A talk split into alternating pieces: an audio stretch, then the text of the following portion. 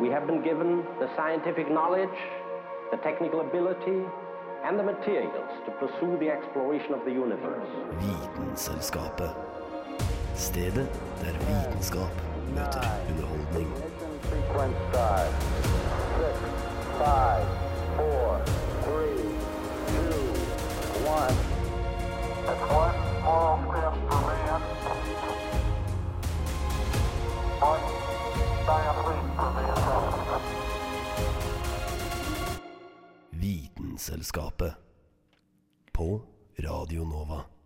Kunstig intelligens er i vinden som aldri før, men kan de virkelig gjøre hverdagen så mye enklere for oss? Altså, med oss så mener jeg jo mennesker generelt, men egentlig spesifikt oss i Vitenselskapet. Hva med deg, eh, Carl? Tror du at eh, du er lett å erstatte med litt fancy AI-teknologi? Eh, delvis, men eh, ikke fullt ut, det vil jeg tørre å påstå. Tror du at kunstig intelligens kan erstatte oss radiomakere i en nær framtid, da, Daniel?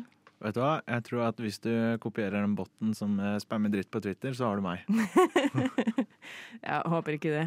Men eh, vi får se, for jeg vet ikke, kanskje vi skal ta et hint eller noe sånt nå. Redaksjonslederen vår har eh, nemlig allerede testa ut om kunstig intelligens kan lage saker for oss. Så vi får nesten høre om det er eh, grunn til å uroe seg. Mer om det får vi senere i sendinga. Mitt navn er Kristin Grydland, og du hører på Vitenselskapet.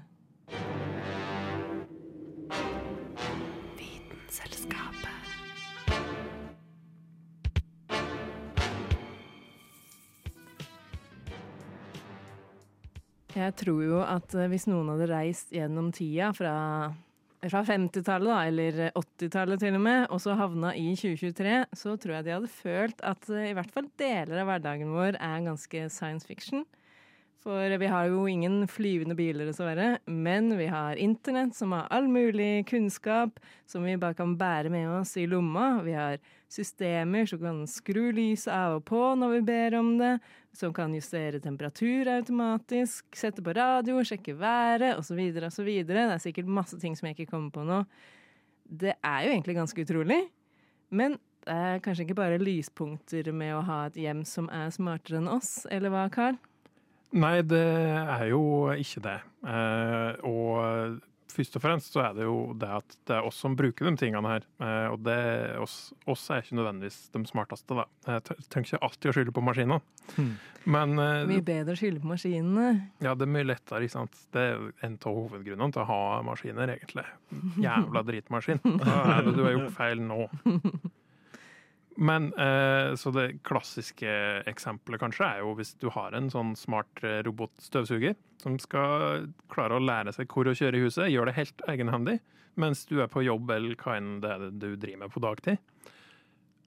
Og så har ikke den kanskje tenkt over at eh, hunden din, den mm, glipper en gang iblant. Er ikke helt god på å bæsje der den skal, og midt på gulvet. Og så kommer den støvsugeren og kjører ruta si, kjører innom den hundebæsjen, og så smører det utover alt. Det her har jeg hørt om, eh, faktisk. Men jeg tenker det her må jo være mulig å fikse ved å montere kanskje en sånn luktgreie på de robotstøvsugerne, sånn det kan lukte at hvis det er noe muffens, så kanskje stopper den litt opp. Jo, det, det går jo an, det. Eventuelt så kan du eh, trene bikkja litt bedre, da. Eh, Og- eh, skaffe deg robothund. robothund, ja, det er sant. Men da får du plutselig olje utover alt, vet du. Ja, Det, her... kan ikke vinne. Nei, det går rett og slett ikke an å vinne med. Nei, så bæsj utover alt er jo en ganske kjip konsekvens til å ha en sånn smart robotstøvsuger. Eh, Men sentralt i de fleste smarte hjem er jo at du har en sånn assistent. Sånn Alexa eller Google Home. Apple HomePad, tror jeg det var Apples løsning var. Eh, og det er jo veldig smart. Da kan du bare si hva er været, i stedet for å måtte trykke fem ganger på telefonen din, for det er jo veldig slitsomt. Eller se ut av vinduet, som også er utrolig slitsomt. Eh, Ja. Eh, Men så er det jo det at noen av oss har jo små mennesker inni heimene våre som kanskje ikke er så gode på konsekvenstenkning. Jeg tenker da på unger, da. Ja, jeg begynte, du så så veldig på meg, så jeg ble litt usikker. Veldig typisk deg å ikke tenke konsekvens. Altså. må man tenke konsekvens hver eneste gang. Øh, slitsomt. Ja, det er det. Og det er det disse ungene kanskje ikke gjør, da, men de lærer jo veldig lett. Det det er jo mirakuløst at du kan se en toåring klare å trykke seg gjennom en iPad. Så når du da har en eh, Alexa eller noe lignende som du bare sier 'Å ja, oss er tomme for eh, hundemat', eh, kan du kjøpe litt mer hundemat, sånn at eh, hunden kan bæsje og støvsugeren drar det ut overalt. Eh, og så ser jo ungen da at eh, 'Å ja, men det er bare å si 'jeg vil ha det', Si og så bekreft', og så kommer det. Ja, ja. Tror du at barn kanskje glemmer litt sånn Hva er egentlig en kost? Fordi jeg er så, blir så vant til å bare si Støvsug hjemme, Alexa. Ja, det, det er definitivt eh, et problem med de kommende generasjonene. Ja. Men akkurat eh, det jeg sikter til nå, det er jo da at plutselig så har du 500 pizzaer på døra fordi ungen har plutselig lyst på 500 pizzaer. Eller Hvem har ikke lyst på 500 pizzaer en gang iblant, da? eh, Ja, det er voksne, da, Kristin. Sånn, sånne som oss er. Eh, Sånne som klarer å tenke på konsekvenser. Eh, Jeg skjønner at åh, det er litt dumt å bruke tusenvis av kroner på noe som du kanskje ikke nødvendig får returnert engang. Fordi ungen kan bare styre.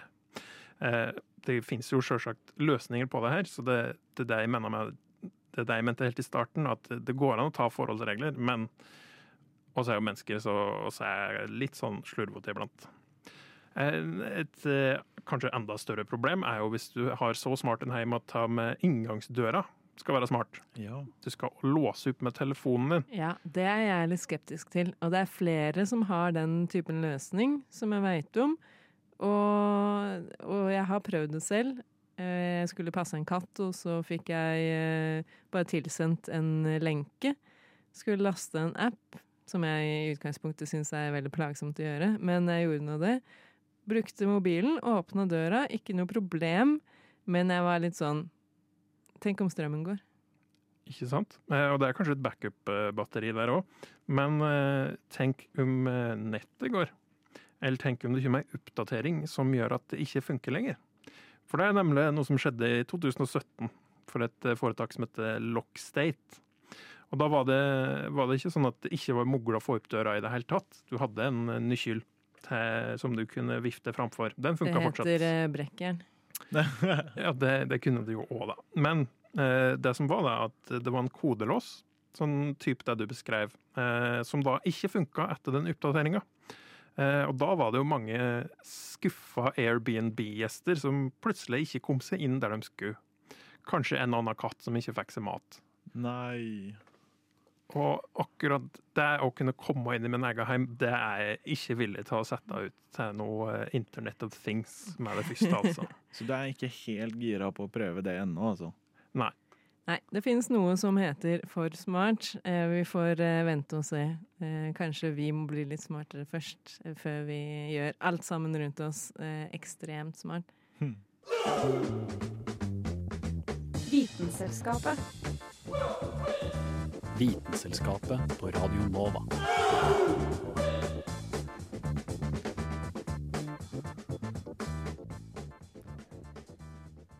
Helt på slutten av 2022 ble det lansert en helt ny chatbot kalt ChatGPT, som står for Chat Generated Pre-Trained Transformer, og ble laget av et selskap som forsker på det som kalles for artificial intelligence, hvor man prøver å gjøre maskiner så smarte som mulig.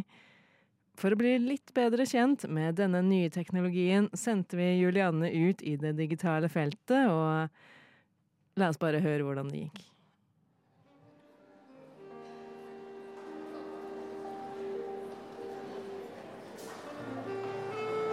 Hei! Så hyggelig at du kunne møte meg på så kort varsel. Hei. Jeg er her for å hjelpe, så det er alltid en glede å svare på spørsmål. Hvordan kan jeg hjelpe deg i dag?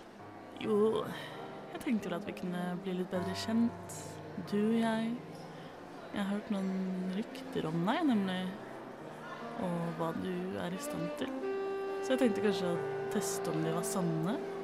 Så ja, hva syns du Vitenselskapet burde lage sin neste sending om?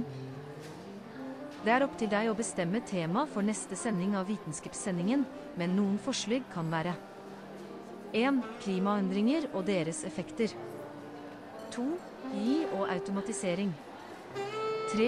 Nye teknologier og deres muligheter og utfordringer. 4. Helse og medisin, inkludert nye behandlingsmetoder. 5. Bærekraftig utvikling og ressursbruk. Det var jo ikke noe dårlig idé, det. Nå snakker jeg jo nettopp med deg fordi vi lager en sending om AI.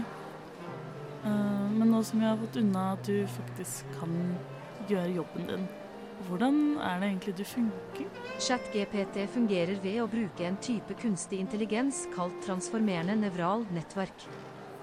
Det tar imot en tekstinput, og gjennom en rekke sammenkublede matematiske operasjoner i nevralt nettverk genererer det en tekstoutput som svar på inndataen. Modellen er trent på store mengder tekstdata for å forutse hvilke ord som sannsynligvis vil komme etter hverandre i en sammenheng. På denne måten kan ChatGPT produsere en meningsfull respons på en mengde forskjellige spørsmål. OK. Eh, Hva, hva er egentlig et transformerende nerv nevralt nettverk? Et transformerende nevralt nettverk er en type kunstig nevralt nettverk designet for å håndtere tekst- og bildeanalyse.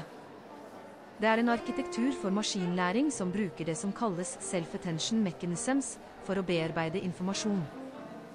Transformator 1 har blitt veldig populære pga. sin evne til å effektivt håndtere store mengder tekst og andre former for sekvensiell data. Og har vært sentrale i utviklingen av avanserte tekstgenereringsmodeller som OpenIS GPT-modeller. Spennende. Men jeg vil egentlig bli litt bedre kjent med deg som person.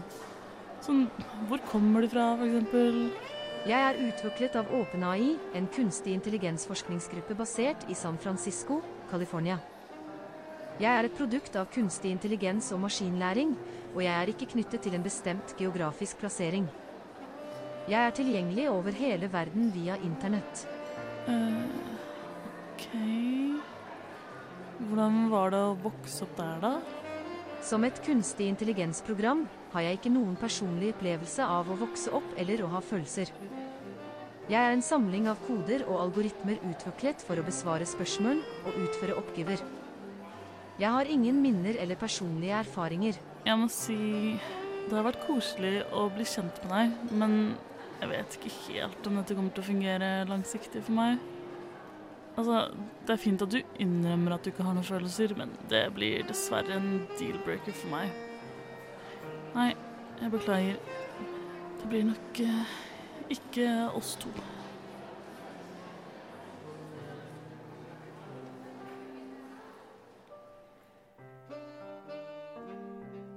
ChatGPT sin store styrke er det som kalles for språkmodeller. En eh, statistisk modell som ser på en sekvens med ord og gir hver av dem en verdi mellom null til én som sannsynlighet. Dette er mer eller mindre det samme som mobilen din gjør når den retter på skrivefeilene dine i meldinger.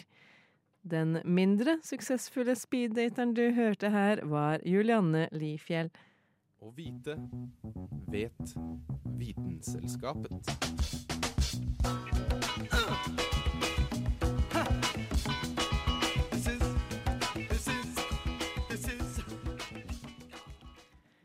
ChatGPT har jo fått mye oppmerksomhet i det siste, og en rekke folk er bekymra. Men det er også et annet område hvor mange er bekymra for utviklinga, nemlig selvkjørende biler.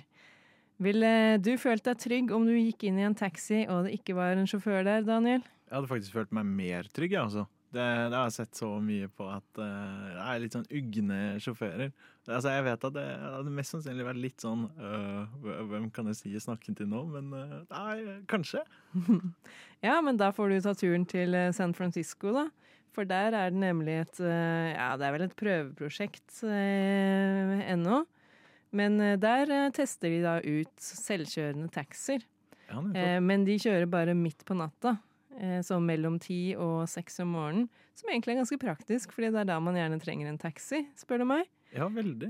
Men det er ikke uten problemer, som man kanskje kan tenke seg. I juni i fjor, så like før midnatt, så samla disse da åtte av disse bilene seg, bare samla seg i et lyskryss og stoppa opp. Bare stoppa helt. Ikke noe mer liv. De bare tok over hele hva skal jeg si, trafikkområdet? Det gjorde de, eh, og de måtte da kjøres bort av en menneskelig sjåfør.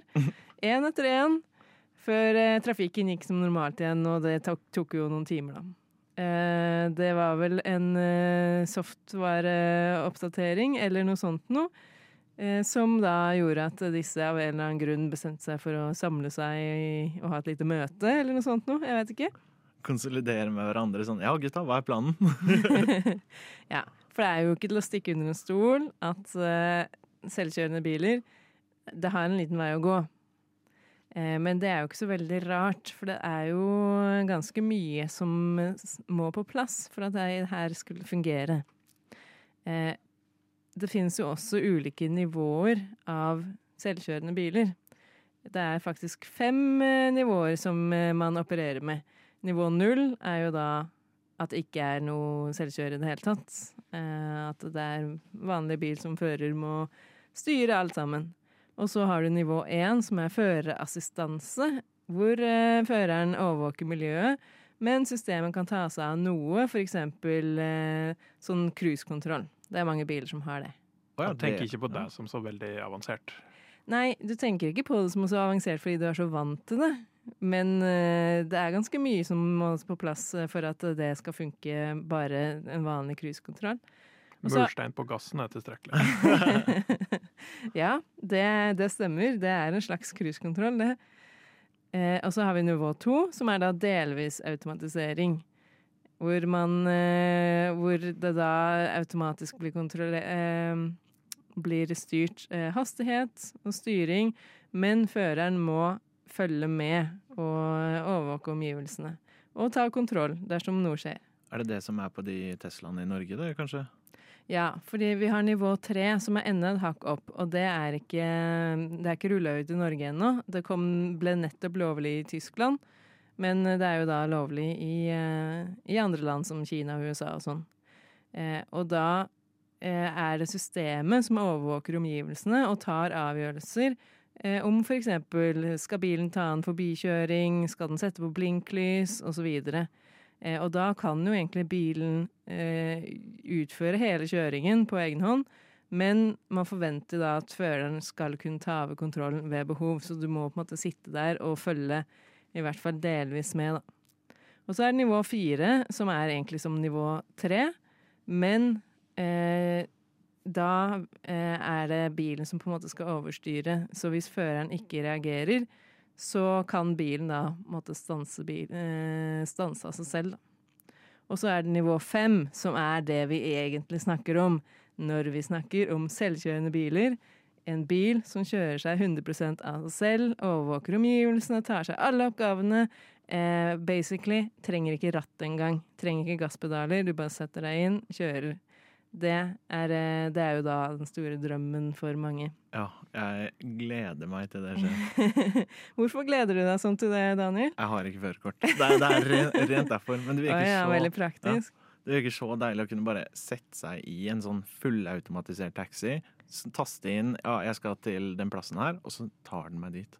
Mm. Så praktisk.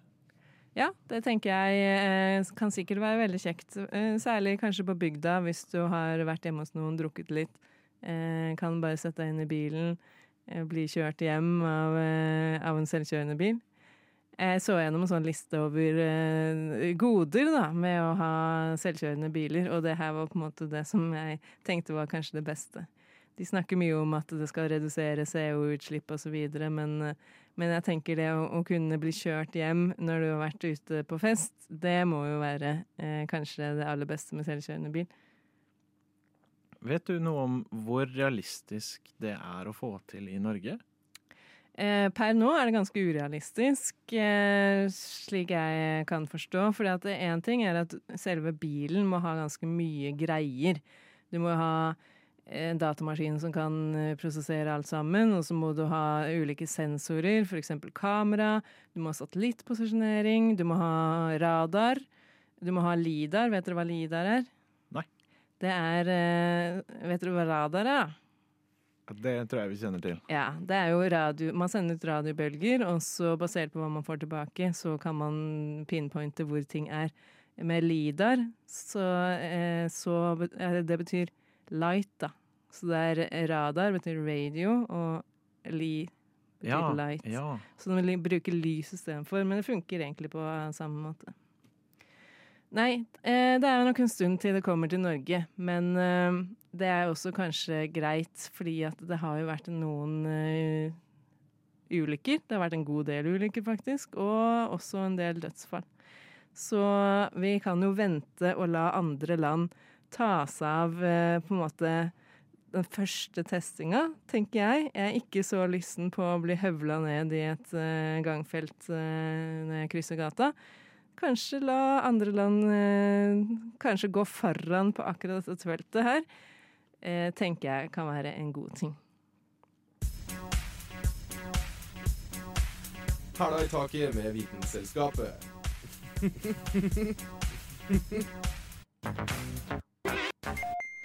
Jeg vil tro at alle her liker å høre på musikk. Dere trenger ikke å svare engang. De fleste av oss har vel skrudd opp volumet på telefonen når vi er på flyet eller sitter på bussen. Tenk hvor mye bedre livet hadde vært uten all den bakgrunnsstøyen.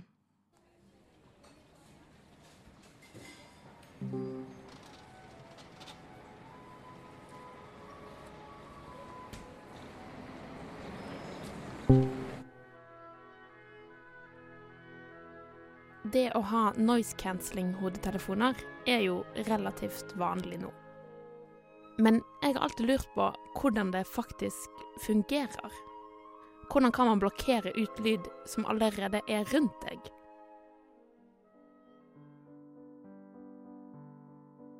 Rent fysisk så er lyd trykkbølger som vandrer i luften eller et annet medie.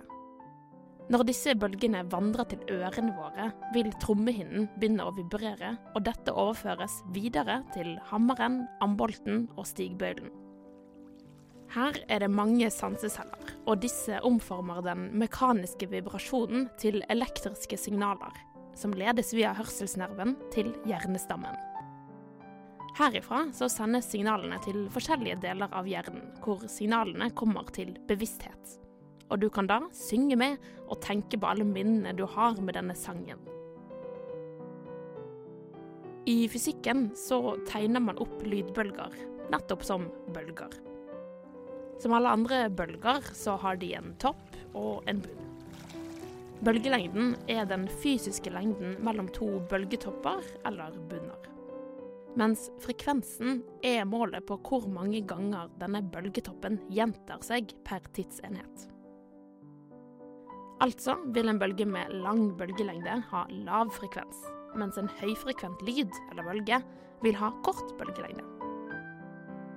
Hvis to lydbølger er i fase, altså at de vandrer i luften på samme måte, hvis disse to møtes, så vil de forsterke hverandre. Altså, man vil få en høyere lyd, eller at man får en større lydbølge. Man kan også ha motsatt fenomen, altså at to bølger svekker hverandre. Og det er dette trikset noise cancelling bruker. På noise cancelling-hodetelefoner så er det nemlig en liten mikrofon som tar opp lyd fra omgivelsene. I tillegg til dette så er det en forsterker som genererer lydbølger som er ut av fase i forhold til omgivelsene. Hodetelefonene lager altså en lydbølge som svekker lyden fra omgivelsene. Når dette skjer, har vi ikke lenger en lyd vi kan detektere, siden det er ikke lenger en lydbølge, men mer som en rett strek. Og denne klarer ikke å sette i gang vibrasjoner i trommehinnen din. Og du hører ingenting fra omgivelsene.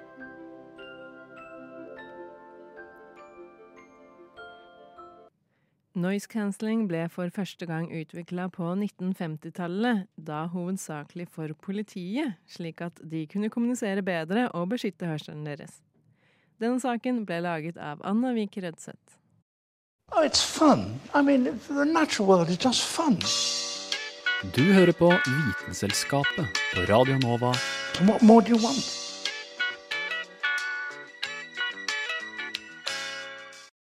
Nå har vi hørt hvor bra det kan være med smarte systemer, men du skal snakke litt om når de er skikkelig dumme, Daniel. Ja, rett og slett når det ikke funker litt, eh, eller helt som det skal, eller man skulle ønske. Så da skal jeg prate om eh, egentlig hvorfor er bots i spill så dårlig. Og det jeg lurer på da først, du Carl. Har du noe forhold til dårlige bots? Å ja. Det har jeg vært borti veldig mye til å kose meg mye med å utnytte, egentlig. Eh, fordi AI, som det ofte blir kalt, er jo ikke så veldig smart. Så hvis du klarer å finne der logikken mangler, så åh, da kan du føle det som et veldig smart menneske. Ja, nettopp. Det er fordi det å kunne simulere altså hva en spiller eller en person hadde gjort, det er jo ikke så enkelt. For det som vil kreves da, er jo det å sette seg virkelig inn i sånn OK, hva er det personen har å gå ut ifra? Så da vil man trenge at botten har ufullstendig informasjon om hva som skjer rundt seg. Du må kunne se for seg mange forskjellige scenarioer og ta det til betraktning. Eh, så er det mange spillestiler, da, for eksempel. Så noen vil jo bare løpe rett inn full pang-pang, noen vil kanskje ta det litt saktere. Og det er ganske vanskelig for bots å kunne planlegge eller få programmert inn på forhånd. Så har du et spill spesifikt som du eh, har i tankene da? Jeg er glad i strategispill, eh, og da er det veldig fort at datamaskiner bare jukser. Ja, nettopp. Ja, det er egentlig veldig kjekt at du sa, for det beste eksempelet jeg tror jeg har på det, det er eh, en av mine favoritter. Det er Civ. eh, Civilization, hvor det er veldig typisk sånn, det er sånn strategispill, og det er veldig typisk at bottene forventer at å, nå skal jeg ta over hele Trondheim med én rambukk og en bueskytter. Det tenker man vel intuitivt at det er ikke, er ikke så gunstig. Men eh, bottene er jo ikke bare dårlig, for det gjør det veldig greit for de som kan kose seg med det òg. Og rett og slett bare ha en litt roligere si, fart i hva man driver med. Um, Kristin, hva med deg? Har du noe forhold til dette? Veldig lite forhold. Jeg, ikke, jeg spiller ikke så veldig mye spill. Eh, Så jeg vil si jeg har et veldig lavt eh, og ikke-eksisterende forhold til bots i spill. Nei, men du har vært borti Sims. Det Ja, det har jeg. Ja. Og da, da merker man veldig fort at de gjør mye dumt. Mye man eh, er sånn Hva er det du holder på med? Ja. Ja, det, det stemmer. Eh, nå har jeg, jeg kjenner jo Sims mest med at jeg har drept simmene på mange ulike måter, og egentlig brukt spillet mest, mest der, da. Eh, så eh, jeg har jo opplevd at de gjør litt sånn irrasjonelle ting, men eh, jeg som liksom den store overordna guden har jo også gjort irrasjonelle ting mot dem, så jeg har egentlig ikke reagert så veldig på det. Ja, nettopp. Nei, altså det, Jeg håper jo en dag at vi kanskje kan komme fram til uh, hvordan uh, man kan simulere en hjerne. Jeg håper det. Blir spennende å se, men uh, foreløpig er vi langt unna. Tenker du man kan eh, At hjernen kan bli et spill, liksom? For eksempel, Det høres jo veldig fort ut som en sånn Black Mirror-episode. Som det å laste opp eh, hjernen sin og kunne bruke den til noe. Det virker litt skummelt for mange, meg inkludert, men også litt spennende. Ja, jeg vet ikke helt om det er det kuleste spillet eh, å spille på en hjerne, men kanskje det er en god idé. Kanskje det sitter noen spillutviklere der ute som hører oss snakke nå, og bare tenker at eh, det, ja, dette her, det her skal vi virkelig eh, satse på, da. Ja, det gleder jeg meg til. Ja, men for da har jeg vel egentlig ikke så stort mye mer å si på det. Det blir spennende å se. Vanskelig, litt skummelt. Og så gleder jeg meg til å se hva som er i framtida. Yes, det, dere får kanskje nyte bedre av det, for jeg spiller ikke så mye spill. Men hvem vet, kanskje jeg kommer til å hive meg på når det endelig blir mulig å spille på en hjerne.